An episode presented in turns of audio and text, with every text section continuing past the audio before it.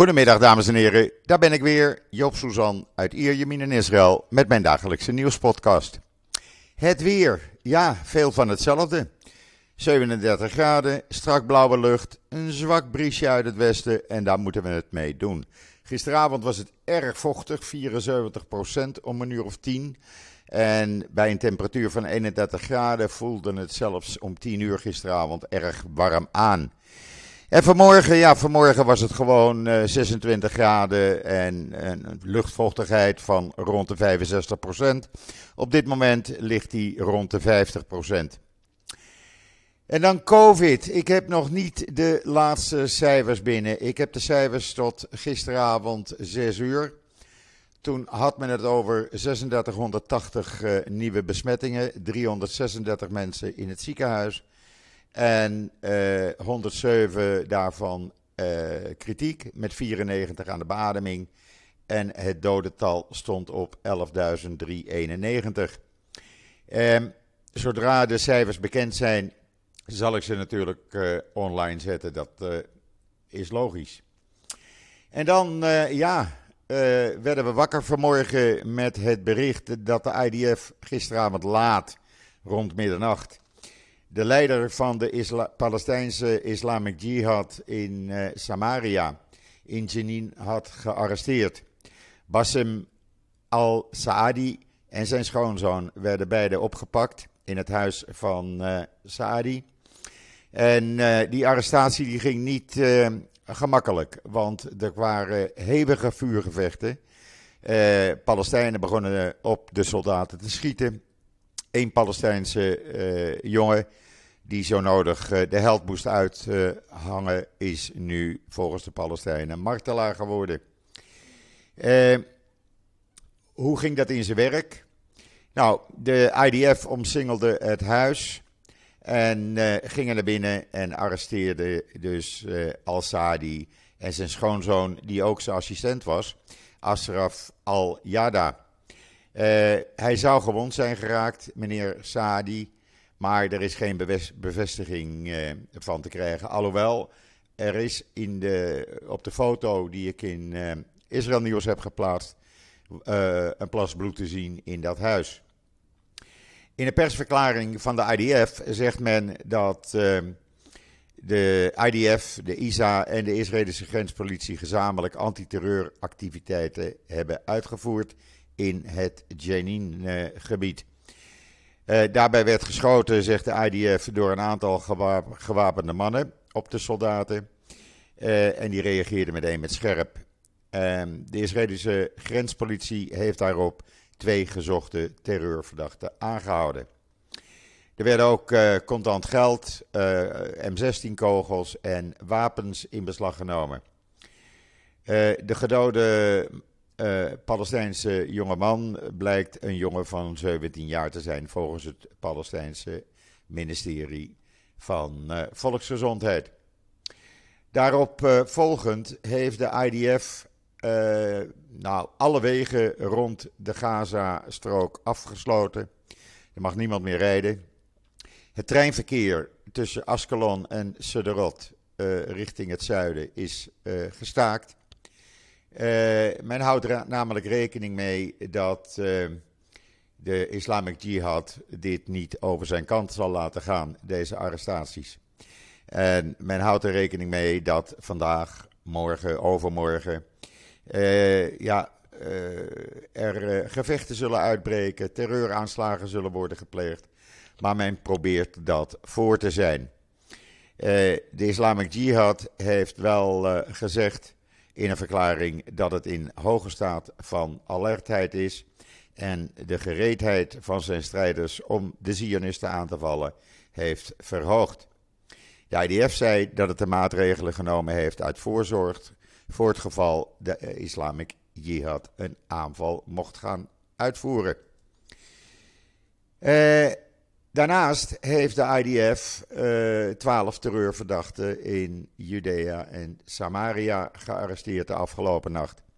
Dat gaat gewoon door. Die lijst wordt afgewerkt. U kunt het allemaal lezen in israelnieuws.nl. Men heeft daarbij ook wapens in beslag genomen. Ook daarbij werden de soldaten bekogeld met molotovcocktails, met stenen en er werd ook geschoten, waarop de IDF-soldaten terugschoten.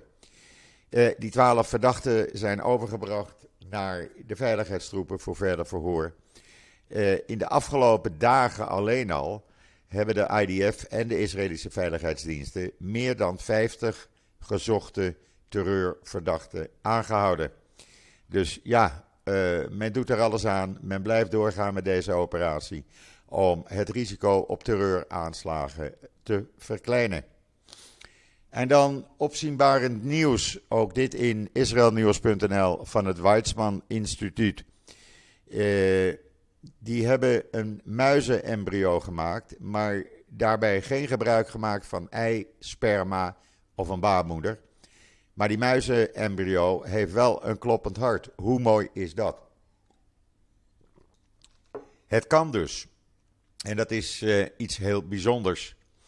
Uh, ze hebben het gemaakt, die embryo-modellen, uit uh, stamcellen die in een petrischaal waren gekweekt. met dit model kunnen de wetenschappers nu bestuderen hoe stamcellen verschillende organen vormen in het zich ontwikkelde embryo. En zou het zelfs op een dag mogelijk kunnen zijn om weefsels en organen voor transplantatie te laten groeien met behulp van synthetische embryo-modellen. Want, zegt de professor Jacob Hanna van de afdeling moleculaire genetica van het Weizmann Instituut, uh, het embryo is de beste orgaanmachine en de beste 3D-bioprinter. Ik neem mijn hoed hier diep vooraf, want ik vind dit een fantastisch iets wat ze gedaan hebben. Lees het hele artikel met het hele verhaal in israelnieuws.nl. En dan, uh, gisteren werd, uh, ging de ene man en kwam de andere man Oftewel, er is een nieuw hoofd voor de Israel Atomic Energy Commission. Oftewel, het Israëlische Atoomenergiecomité. En daarbij zei Lapid iets opvallends. Hij zei namelijk dat Israël andere capaciteiten heeft om het voortbestaan van de Joodse staat tegen alle bedreigingen te verzekeren. Volgens alle journalisten een nauwelijks verhulde verwijzing naar Israëls algemene gerapporteerde voorraad kernwapens. Hij zei het wel niet met zoveel woorden, maar uh, hij zei letterlijk: Ben Gurion richtte de uh, Israëlische atoomcommissie op in 1952. Uh, de eenvoudigste betekenis van die visie is het, was het vermogen om een idee te nemen en een organisatiekracht, de juiste mensen daar neer te zetten en lange termijn denken te gaan plegen voor toewijding aan elk detail. Uh, en de operationele arena, zegt uh, Lapid, en de onzichtbare koepel boven ons is gebouwd op defensieve capaciteiten en offensieve capaciteiten. Wat de, wat de buitenlandse media andere capaciteiten noemen. Daar heb je hem dus. Deze andere vermogens houden ons in leven, zegt Lapid en zullen ons in leven blijven houden zolang wij en onze kinderen hier zijn. We zijn trots en dankbaar op dit comité. Het lot van het volk Israël is in goede handen. Ja, er werd nog veel meer gezegd, maar dat kunt u allemaal zelf lezen in uh, israelnieuws.nl. Maar wel iets om in uh, gedachten te houden. Ja, en waar het op Schiphol nog steeds uh, een zootje is, hebben ze het hier in uh, Ben Gurion Airport aardig voor elkaar. Uh, de vertrekprocedure vanaf het moment dat je het, de vertrekhal inkomt tot het moment dat je je vliegtuig ingaat, is met een uur verkort en neemt nu maximaal 100 minuten in beslag. Zeg maar zo'n anderhalf uur. En dan, dan zit je dus in je vliegtuig. Nou, dat is behoorlijk snel. Kom je met uh, alleen handbagage en heb je online ingecheckt, dan is die gemiddelde vertrektijd teruggedraaid van 33 minuten naar slechts 20 minuten. Van het betreden van de luchthaven tot de betreden van de tax-free ruimte. Hoe mooi is dat? Terwijl er in juli al meer dan 2,1 miljoen passagiers uh, van de luchthaven gebruik hebben gemaakt. Deze maand, augustus, zullen dat naar schatting 2,4 miljoen mensen zijn. Dat betekent dat we al uh, snel de recordcijfers van 2019 gaan inhalen. Want toen, uh, de laatste maand voor de COVID-pandemie begon, toen waren er in juli en augustus 2,8 miljoen passagiers per maand. Uh, het aantal koffers dat niet in een vliegtuig werd geladen is gedaald met 70%. Dus ze hebben het hier aardig uh, onder de knie. Misschien dat ze van Schiphol even een kijkje kunnen nemen en even gaan kijken hoe ze dat dan op Ben Gurion Airport doet. En dan uh, het Israëlische bedrijven EV Motors en GenCell, die hebben onlangs Israëls eerste op waterstof gebaseerde en off-grid hybrid laadstation voor elektrische vliegtuigen, eh, voertuigen, sorry, voor elektrische voertuigen gelanceerd. Eh, het bestaat en uh, die laadstations die worden binnenkort verspreid over de belangrijkste wegen in Israël en daarna in andere landen. De elektriciteit voor die laadpalen wordt geproduceerd door een zeer geavanceerde technologie die Gencel heeft ontwikkeld, die de productie van elektriciteit uit waterstof mogelijk maakt. En dat is iets voor Nederland, want er is geen CO2-uitstoot. Dus 100% groene stroom. In plaats van dat je alle boeren uh, uh, uh, weghaalt en het loodje laat liggen, zou ik als Nederlandse regering zeggen: van nou, laten we ook eens kijken naar allerlei apparaten die geen CO2 uitstoten. Als we nou die laadpalen al beginnen met 100% groene stroom te voorzien, nou, dan uh, brengen we het CO2, het stikstof, uh, al lekker naar beneden. Ook de Nederlandse regering zou ik zeggen, net, net zoals de mensen van Schiphol, komen jullie gezamenlijk eens een keer in één vliegtuig naar Israël toe. En dan kan je hier wat ervaringen opdoen voordat je allerlei rare maatregelen gaat nemen en het hele land op, op stelte zet. En dan voor diegenen die het leuk vinden, ik heb een video in Israël Nieuws geplaatst gisteren. Eh, waarin je ziet hoe Egyptische smokkelaars probeerden drugs te smokkelen uh, over de grens met Israël. En ja, daar kwamen de meiden van de IDF en die hebben dat mooi even voorkomen. En die drugs met een waarde van 173.400 euro in beslag genomen. Kijk eventjes naar het videootje, want die meiden, ja, ze verrichten hartstikke goed werk. En dan eh, tieners uit de Israëlische stad Netivot in het zuiden. Die hebben de Unistream competitie gewonnen door een slimme matras uit te vinden. Uh, die slimme matras die maakt de slaper wakker met aangename geluiden en zachte trillingen. Uh, en uh, ja, dat kan gekoppeld worden aan andere slimme apparaten, vonden die jongens en meisjes. Die kan je dus thuis gebruiken voor de zonwering, verlichting, verwarming. En uh, het werd uitgeroepen tot project van het jaar 2022. Niet alleen deze scholieren deden mee, ook 110 start-ups. Uh, met duizenden Joodse, Arabische, Druze, seculiere, religieuze en uh, net geïmmigreerde Israëlische jongeren deden daaraan mee. Lees het verhaal op israelnieuws.nl. Want ja, wie de jeugd heeft, heeft de toekomst, zullen we maar zeggen.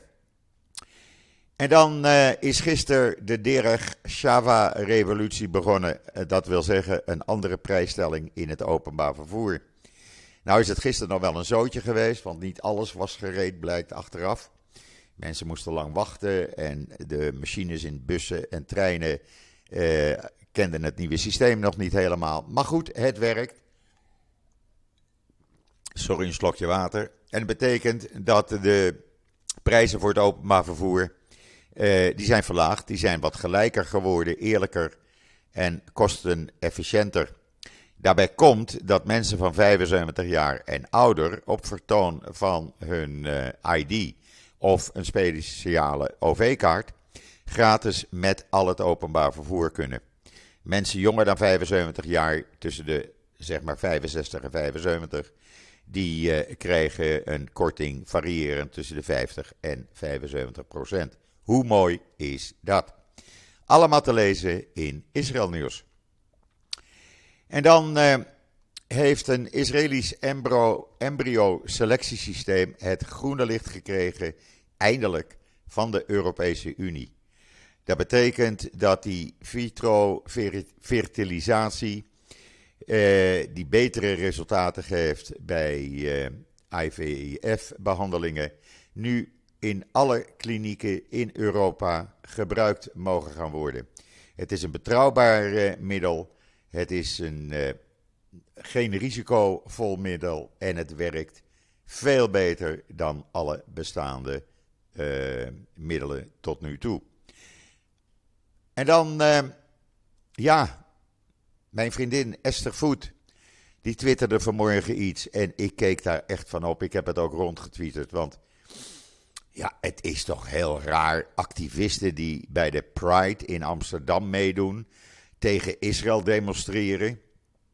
Want Israël zou dan niet vrij zijn. Uh, sorry, maar uh, met je leuze Free, Pal Free Palestine.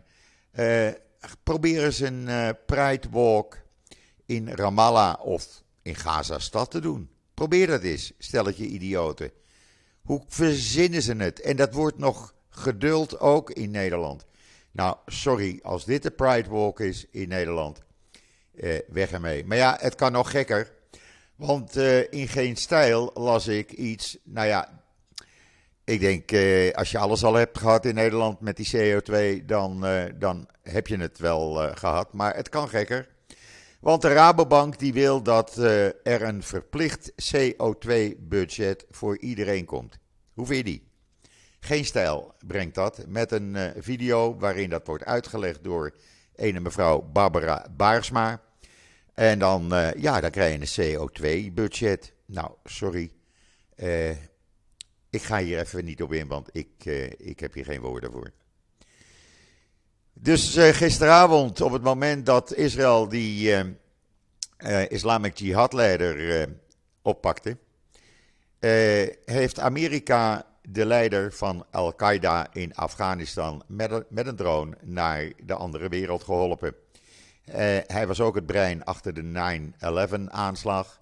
En ja, hij zat verscholen in Afghanistan. En Amerika heeft hem naar de andere wereld geholpen. Afghanistan kwaad natuurlijk.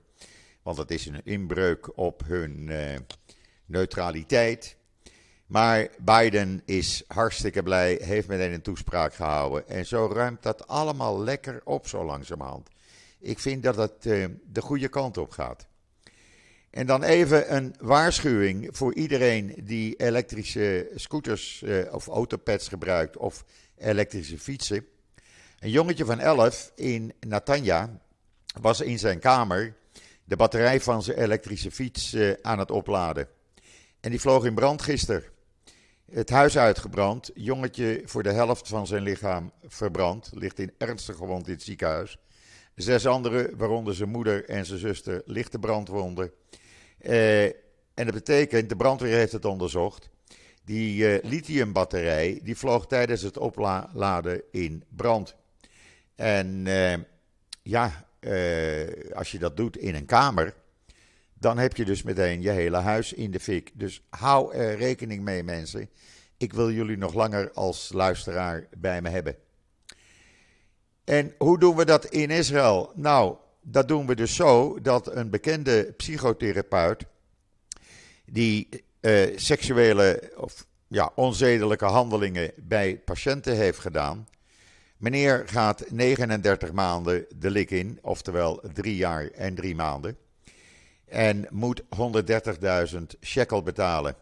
Dat is zo'n uh, 38.000 euro's. Yuval Karmi, 67. Uh, die is voorlopig even van de straat. Hij mag dan wel een bekende psycho psychotherapeut zijn. Maar voorlopig zit hij dus drie jaar en drie maanden in de lik. Hij uh, zei: Ja, ik heb veel spijt van wat ik heb gedaan. Uh, het spijt me uh, dat ik schade heb veroorzaakt. En ik hoop dat dergelijke gevallen niet meer voorkomen. ja, hij gaat meteen de lik in. Zo doen we dat hier. Geen gezeur. En dan uh, in Barcelona is uh, natuurlijk, daar zijn kosheren restaurants. Maar lijkt, laat het nou zo zijn, mensen. In Barcelona is het eerste kosheren restaurant ter wereld met een Michelin-star. Jawel, een Michelin-ster voor het restaurant Xerta. Onthoud de naam. Je kan het lezen in uh, Times of Israel. Maar het restaurant is echt een hotspot uh, geworden de laatste tijd voor Joden in Barcelona en omgeving. Ben je in Barcelona, wil je kosher eten, Xerta, daar kan je terecht. Je betaalt natuurlijk wel een paar centen, maar goed, dat hoort erbij. Terwijl uh, de spanningen oplopen met Rusland, want het probleem is nu niet opgelost van het Joodse agentschap, heeft gisteren de Israëlische ambassadeur met de onderminister van Buitenlandse Zaken van Rusland gesproken. Niet dat er een oplossing is uit voortgekomen, maar er wordt tenminste gesproken. En dan op in Wijnet, de Engelstalige Wijnheid. Ik vind het een prachtig verhaal, mensen. Een Ethiopische emigrant. Hij was schaapsherder als kind in Ethiopië. Kwam uh, met zijn ouders uh, naar Israël toe in 19, even kijken, 1991.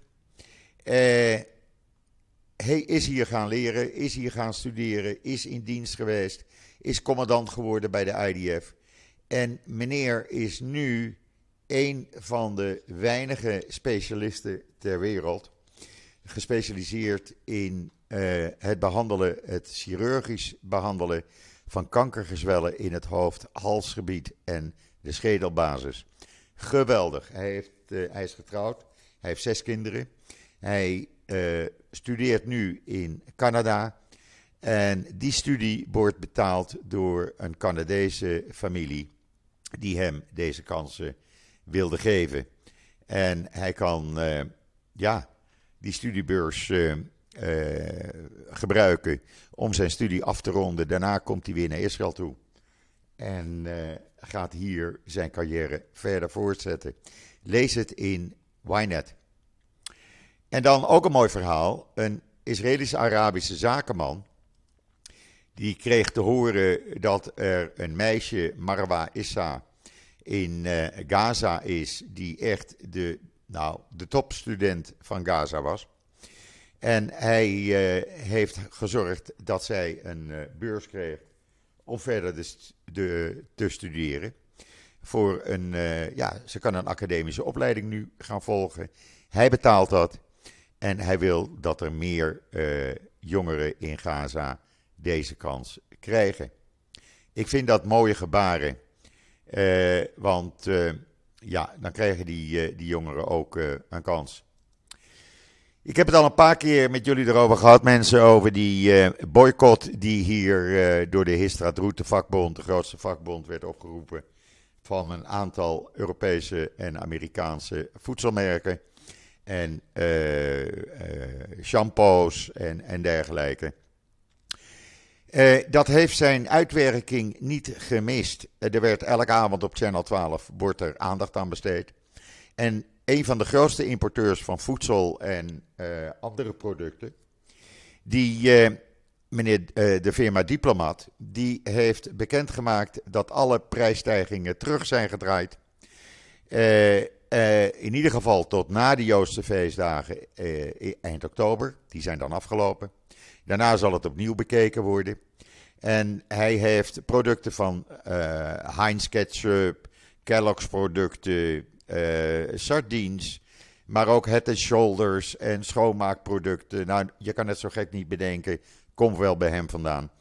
Heeft hij uh, in prijs verlaagd, bang voor een boycott, want dan blijft hij met zijn handel zitten. Maar we zijn er niet klaar, want er zijn nog meer importeurs en ook die worden aangepakt. Eh, de importeurs van Kleenex, Huggies, Kotex, uh, Colgate, Palmolive.